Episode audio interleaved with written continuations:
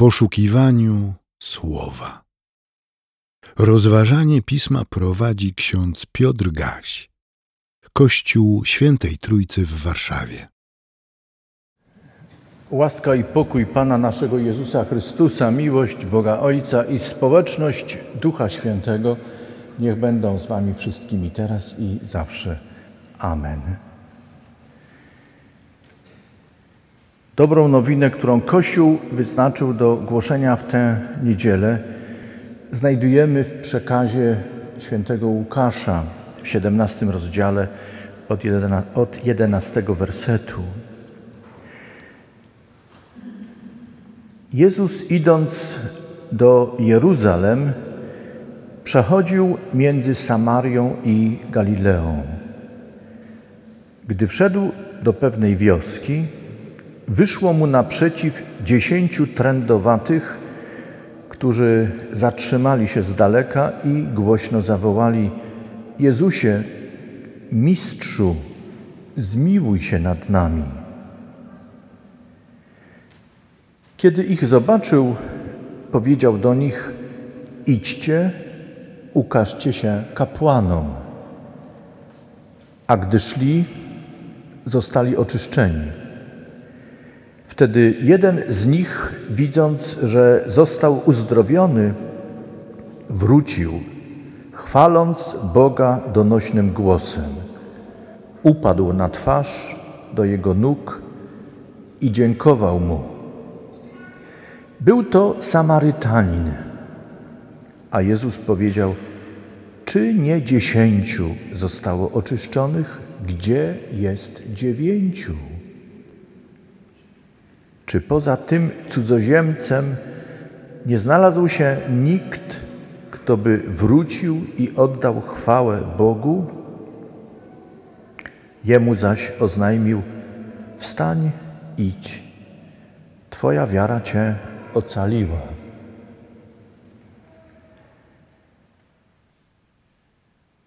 Zbawicielu nasz, dziękujemy Ci, że choć nie widzimy Cię, Ty nam stale towarzyszysz. I w duchu Ojca i swoim szukasz nas i odnajdujesz. Jesteś blisko nas. Spraw, byśmy doznali Twej mocy, Twego dotknięcia. Niech dzieje się to dla Twojej chwały i naszego zbawienia. Amen.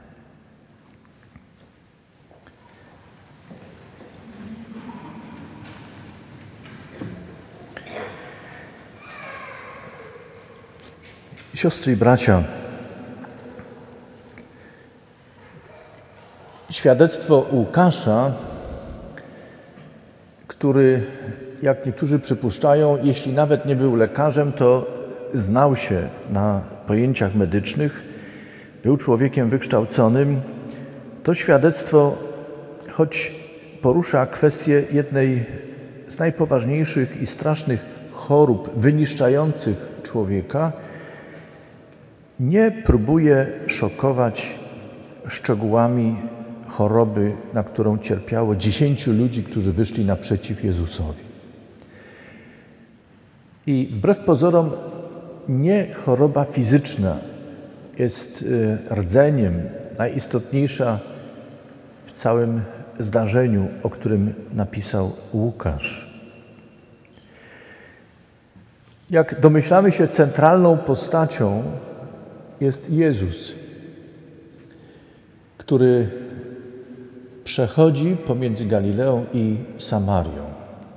Z jednej strony ten szczegół, który podaje Łukasz, pozwala nam zlokalizować miejsce, w którym całe zdarzenie mm, działo się. Na pograniczu Galilei i Samarii. To jest istotny szczegół. Ponieważ kiedy poznajemy Ewangelię, ale też historię Ziemi Świętej, wiemy, że wskutek różnych przemian, które miały miejsce na przestrzeni wieków, Samaria rozdzielała, nie łączyła, ale rozdzielała dwie krainy: Galileę na północy i Judę na południu. Rozdzielała w tym sensie, że mieszkali tam ludzie, którzy byli uważani za etnicznie nieczystych, religijnie innych i błądzących. Podobnie myśleli Samarytanie o Galilejczykach i Judejczykach, jako tych, którzy są inni etnicznie, mentalnie, religijnie. Generalnie panowała niechęć pomiędzy jednymi i drugimi. Kiedy więc Łukasz mówi, Jezus przechodził pomiędzy Galileą i Samarią, to należy wysłyszeć to, że zaakcentowany jest fakt, iż to działo się nie tylko co do topografii na pograniczu dwóch krain, ale Jezus przekraczał po raz kolejny granice, progi, które były dzielące i stanowiły zarzewie wielu trudnych sytuacji pomiędzy ludźmi. Jezus przekraczając te granice, progi, wychodzi jak zwykle naprzeciw człowiekowi i szuka go, niezależnie od tego, jak postrzegają to jego uczniowie i całe otoczenie. Wśród trendowatych, jak później się okazało, byli nie tylko Żydzi, ale był też Samarytanin. Nie wiemy, czy były jeszcze jakieś inne grupy etniczne y, wśród dziesięciu. To też ważny szczegół. Bo okazuje się, że są takie sytuacje w życiu, cierpienie, choroba, prześladowanie, czasem inne okoliczności, które sprawiają, że my, ludzie, niejako z przymusu przekraczamy granice. Wychodzimy sobie naprzeciw i nawet jeśli mentalnie tkwimy jeszcze w czymś, co było wcześniej, nie mając wyjścia, towarzyszymy sobie nawzajem. Tak było z trędowatymi, którzy słysząc od kogoś, dowiedziawszy się od kogoś, że Jezus idzie, wyszli mu naprzeciw i zgodnie ze zwyczajem i przepisami, powiedzielibyśmy dzisiaj sanitarnymi, nie zbliżyli się do Pana, ale z odległości w odległości nie wołali: Jesteśmy nieczyści, jak powinni to zrobić, ale wyrazili prośbę: Zmiłuj się nad nami. Jeśli ktoś chciałby więcej dowiedzieć się o przepisach kultowych, czystości sanitarnych, może sięgnąć do księgi kapłańskiej, do 13 i 14 rozdziału, to trzecia księga Mojżeszowa. Tam szczegółowo opisane są zwyczaje. Także te, które Jezus w jakiś sensie zachowuje, każąc trędowatym w odpowiedzi na ich prośbę, by poszli i pokazali się kapłanom. Do kapłanów należała decyzja, czy mogą wrócić do swych najbliższych, do swojego środowiska, czy nadal jako nieczyści, chorzy muszą pozostać w odosobnieniu, w wioskach trędowatych albo w jakimś innym miejscu odosobnienia. Zauważmy, że trędowaci wołają na Jezusa mistrzu. My kojarzymy słowo mistrz najczęściej z najlepszym, tym, który wygrywa. Jest na pierwszym miejscu. W tradycji Nowego Testamentu, zwłaszcza Ewangelii, mistrzem nazywano Jezusa, ale byli to przede wszystkim i prawie wyłącznie uczniowie. To grono najbliższych. I w języku greckim to słowo mistrz oznacza kogoś, kto jest autorytetem, stoi niejako wyżej w grupie jest uznany za tego, którego można i należy słuchać i poddać się Jego prowadzeniu. Trędowaci wołają na Jezusa mistrzu. To jest wyjątek w Ewangelii Łukasza. W ten sposób jakby trędowaci uznają wyższość Jezusa, autorytet Jezusa, poddają się Jego wskazaniom i gotowi są słuchać. Jeśli ktoś czytał już Ewangelię Łukasza, wie, że w piątym rozdziale opisany jest też fakt spotkania Jezusa z pojedynczym człowiekiem trędowatym. I tam całe zdarzenie i spotkanie i rozmowa przebiega inaczej. Tam jest bezpośrednie spotkanie z Jezusem i Jezus dotyka trędowatego. Kiedy zestawimy obie te, oba te wydarzenia, uświadomimy sobie, że Jezus jako autorytet pierwszy nie tylko przekracza progi pomiędzy Samarytanami, Judejczykami, Galilejczykami. Jezus jest także tym, który przekracza pewne mentalne granice i progi,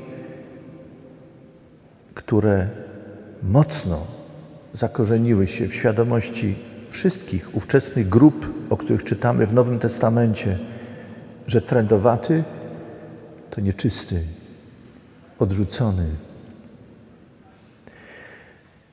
Powinniśmy zwrócić na to uwagę. Tym bardziej, że trędowaci, kiedy tylko spojrzeli na swój wizerunek w lustrze wody, albo jeśli mieli dostęp do lustra, odrzucali samych siebie, gardzili samymi sobą. Ja mam nadzieję, że wiemy, co to jest trąd. Lepra. Nie wiem, czy wiemy o tym, że pewnie wiemy, że w Polsce, na naszych ziemiach, też mieliśmy trąd. Ogniska trądu wygasły w XVII wieku. Leprozaria były i występowały w różnych miejscach, gdzie trzymano w odosobnieniu ludzi chorych. Pewnie wiemy, że choć trędowaci jeszcze żyli, w krajach chrześcijańskich sprawowano modlitwę za nich, ale nie jako żywych, ale umarłych. Każdy, kto zachorował na trąd, był uważany już za umarłego. Ludzie byli bezradni wobec trądu. Norweski uczony Hansen odkrył prądki trądu dopiero w drugiej połowie XIX wieku. Trąd jest nadal chorobą niebezpieczną, groźną, choć wyleczalną. Ale trąd stale wywołuje zmiany na ciele, mogą także, może także wywoływać głębsze zmiany i powoduje, że człowiek właściwie traci samego siebie przestaje czuć się dobrze z samym sobą. A potem oddala się także od niego jego środowisko, jego otoczenie, jego rodziny. Pomimo miłości, niejednokrotnie ci ludzie cierpią z powodu odrzucenia przez siebie samych, siebie i wstydząc się swojej choroby, oddalają się. Wiele zmieniło się, siostry i bracia, na przestrzeni czasu. Może zmiany następowałyby wcześniej w naszym myśleniu, gdybyśmy uważniej czytali teksty ewangeliczne i znaleźli ten fragment w piątym rozdziale Ewangelii Łukasza, czy w siedemnastym rozdziale Ewangelii Łukasza i inne fragmenty i zauważyli, że Jezus wbrew przepisom, które znajdziemy w księdze kapłańskiej, wychodzi człowiekowi naprzeciw i nie odrzuca go. Nie brzydzi się go. Nie boi się dotknąć ciała, które przestaje być piękne, staje się odrażające. Pokazuje miłość. Współodczuwa ale to jest jednocześnie przykład Zbawiciela dla nas wszystkich. Żyjemy w czasie, kiedy trąd stał się chorobą wyleczalną. Ale jest taka choroba, która stale trapi ludzkość, niezależnie od tego, czy choroba jest lekka, czy poważna, niezależnie od tego, czy jesteśmy w stanie zawładnąć nad czymś, czy nie. To choroba mentalna, która sprawia, że nie potrafimy miłować tak, jak Chrystus umiłował. Nie potrafimy wyjść drugiemu człowiekowi tak, jak Chrystus wyszedł. Z jakichś powodów czujemy dystans, nawet odrazę, obrzydzenie do kogoś, odrzucamy kogoś. To wywołuje zmiany nieraz mentalne w tych odrzuconych, wykluczonych, do tego stopnia, że nie akceptują samych siebie, odrzucają samych siebie.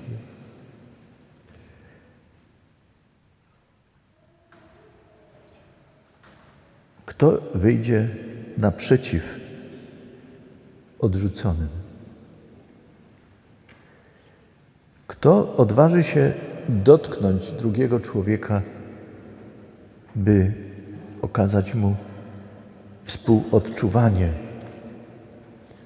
Gest Chrystusa.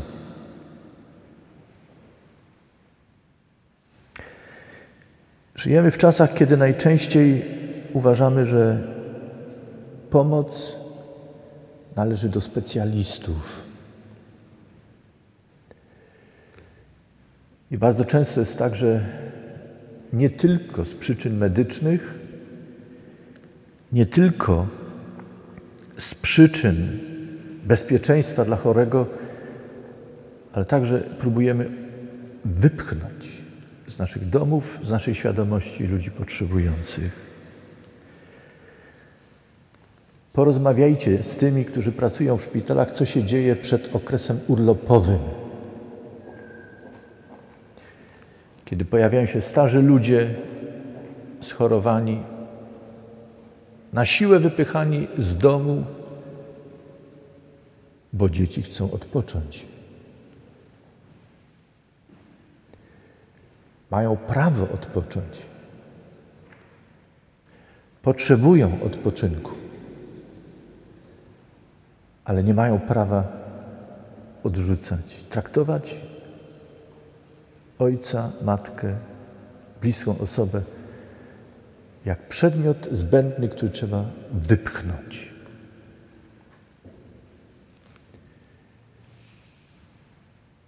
Czy wiecie, że śmierć, a wcześniej umieranie należy do życia? Trudno jest patrzeć na umieranie. To trauma. To ból. Współodczuwanie jest cierpieniem, strasznym cierpieniem. Innego rodzaju niż tego, który umiera, ale to też jest cierpienie, kiedy towarzyszymy człowiekowi umierającemu. Ale umieranie należy do życia. Czy wiecie, co czuje człowiek, który jest oddzielony od innych parawanem? Czy wiecie, co czuje człowiek odchodzący, kiedy nie ma nikogo, kto go chwyci za dłoń?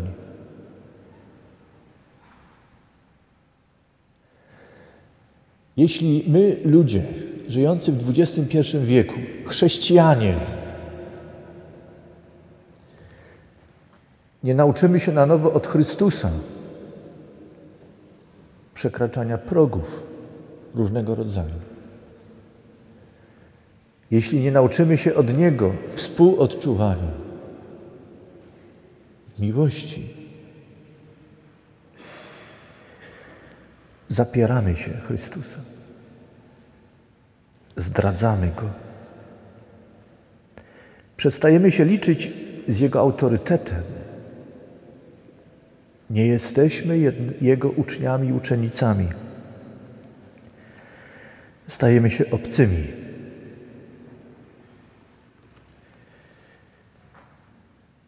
Idziemy własną drogą, która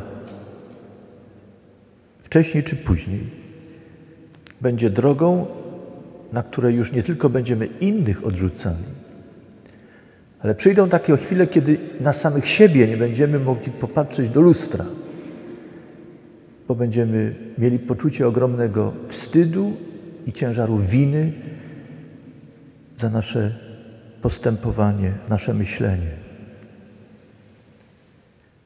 Siostry i bracia,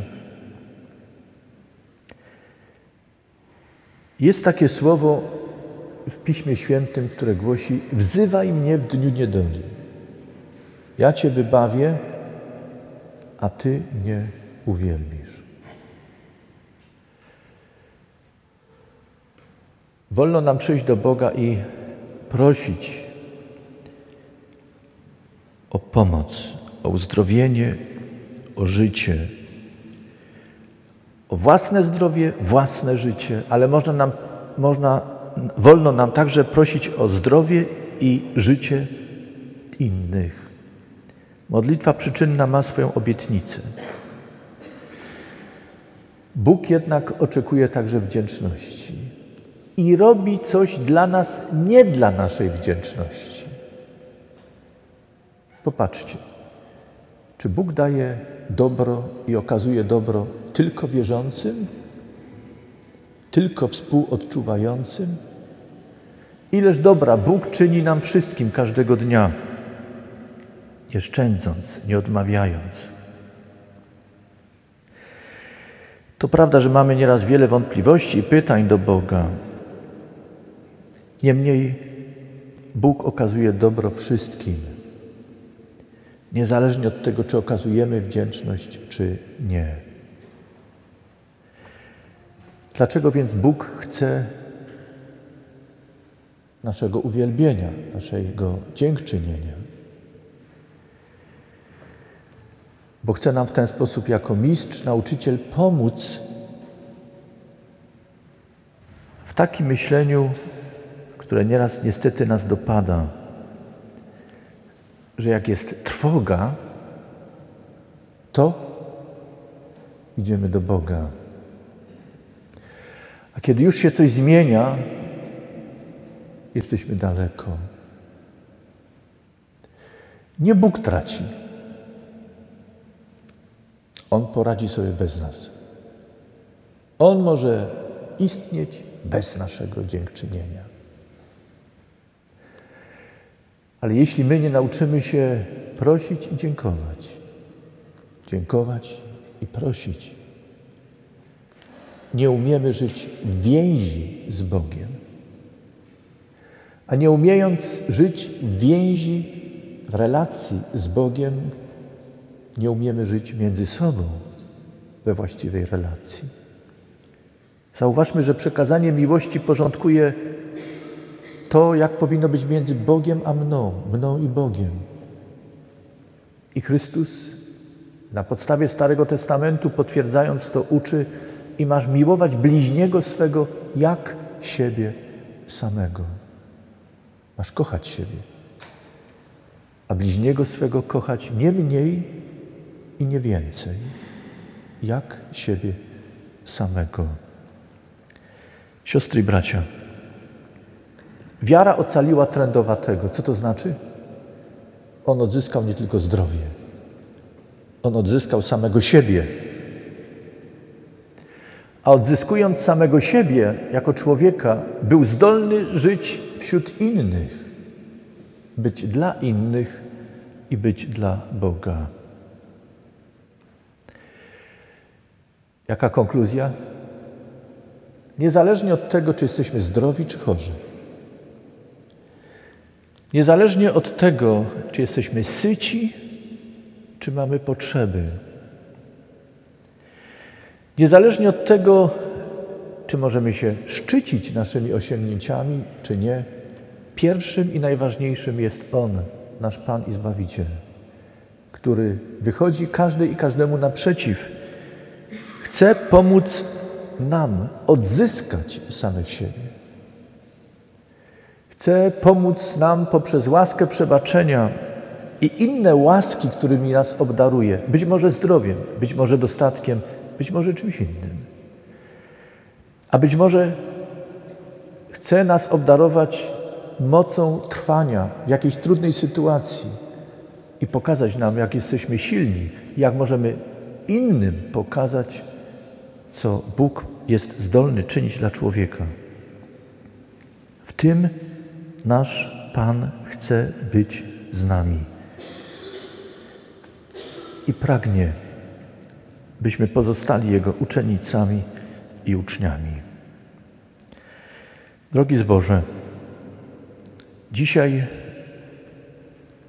przedstawię Wam osoby, które wstępują do Kościoła Ewangelickiego.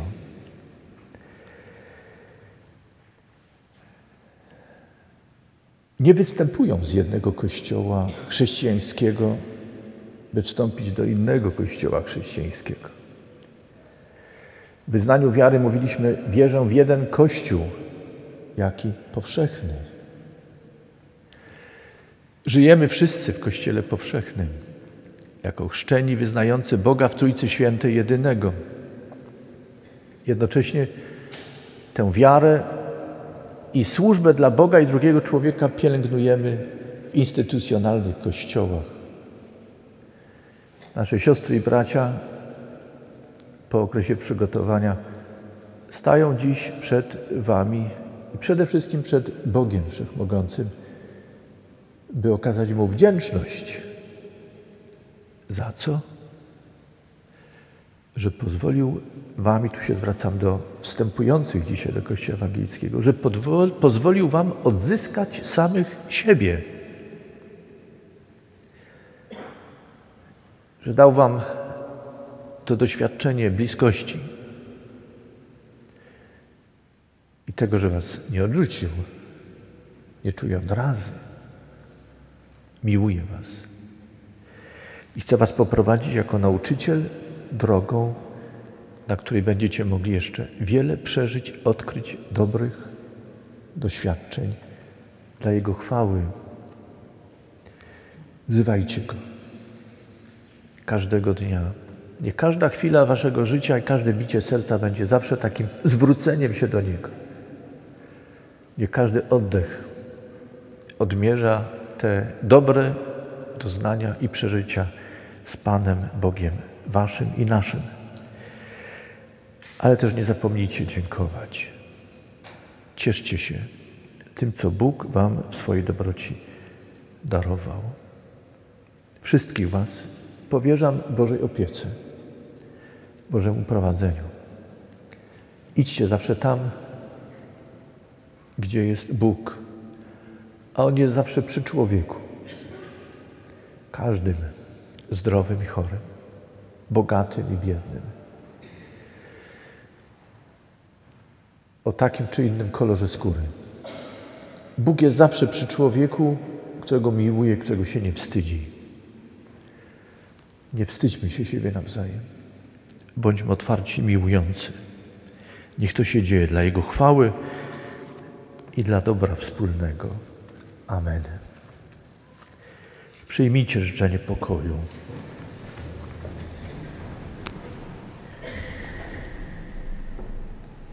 A pokój Boży, który przewyższa wszelkie zrozumienie, niechaj strzeże serc i myśli naszych. W Chrystusie Jezusie, Panu i Zbawicielu naszym. Amen. Więcej materiałów na www.trójcawaw.pl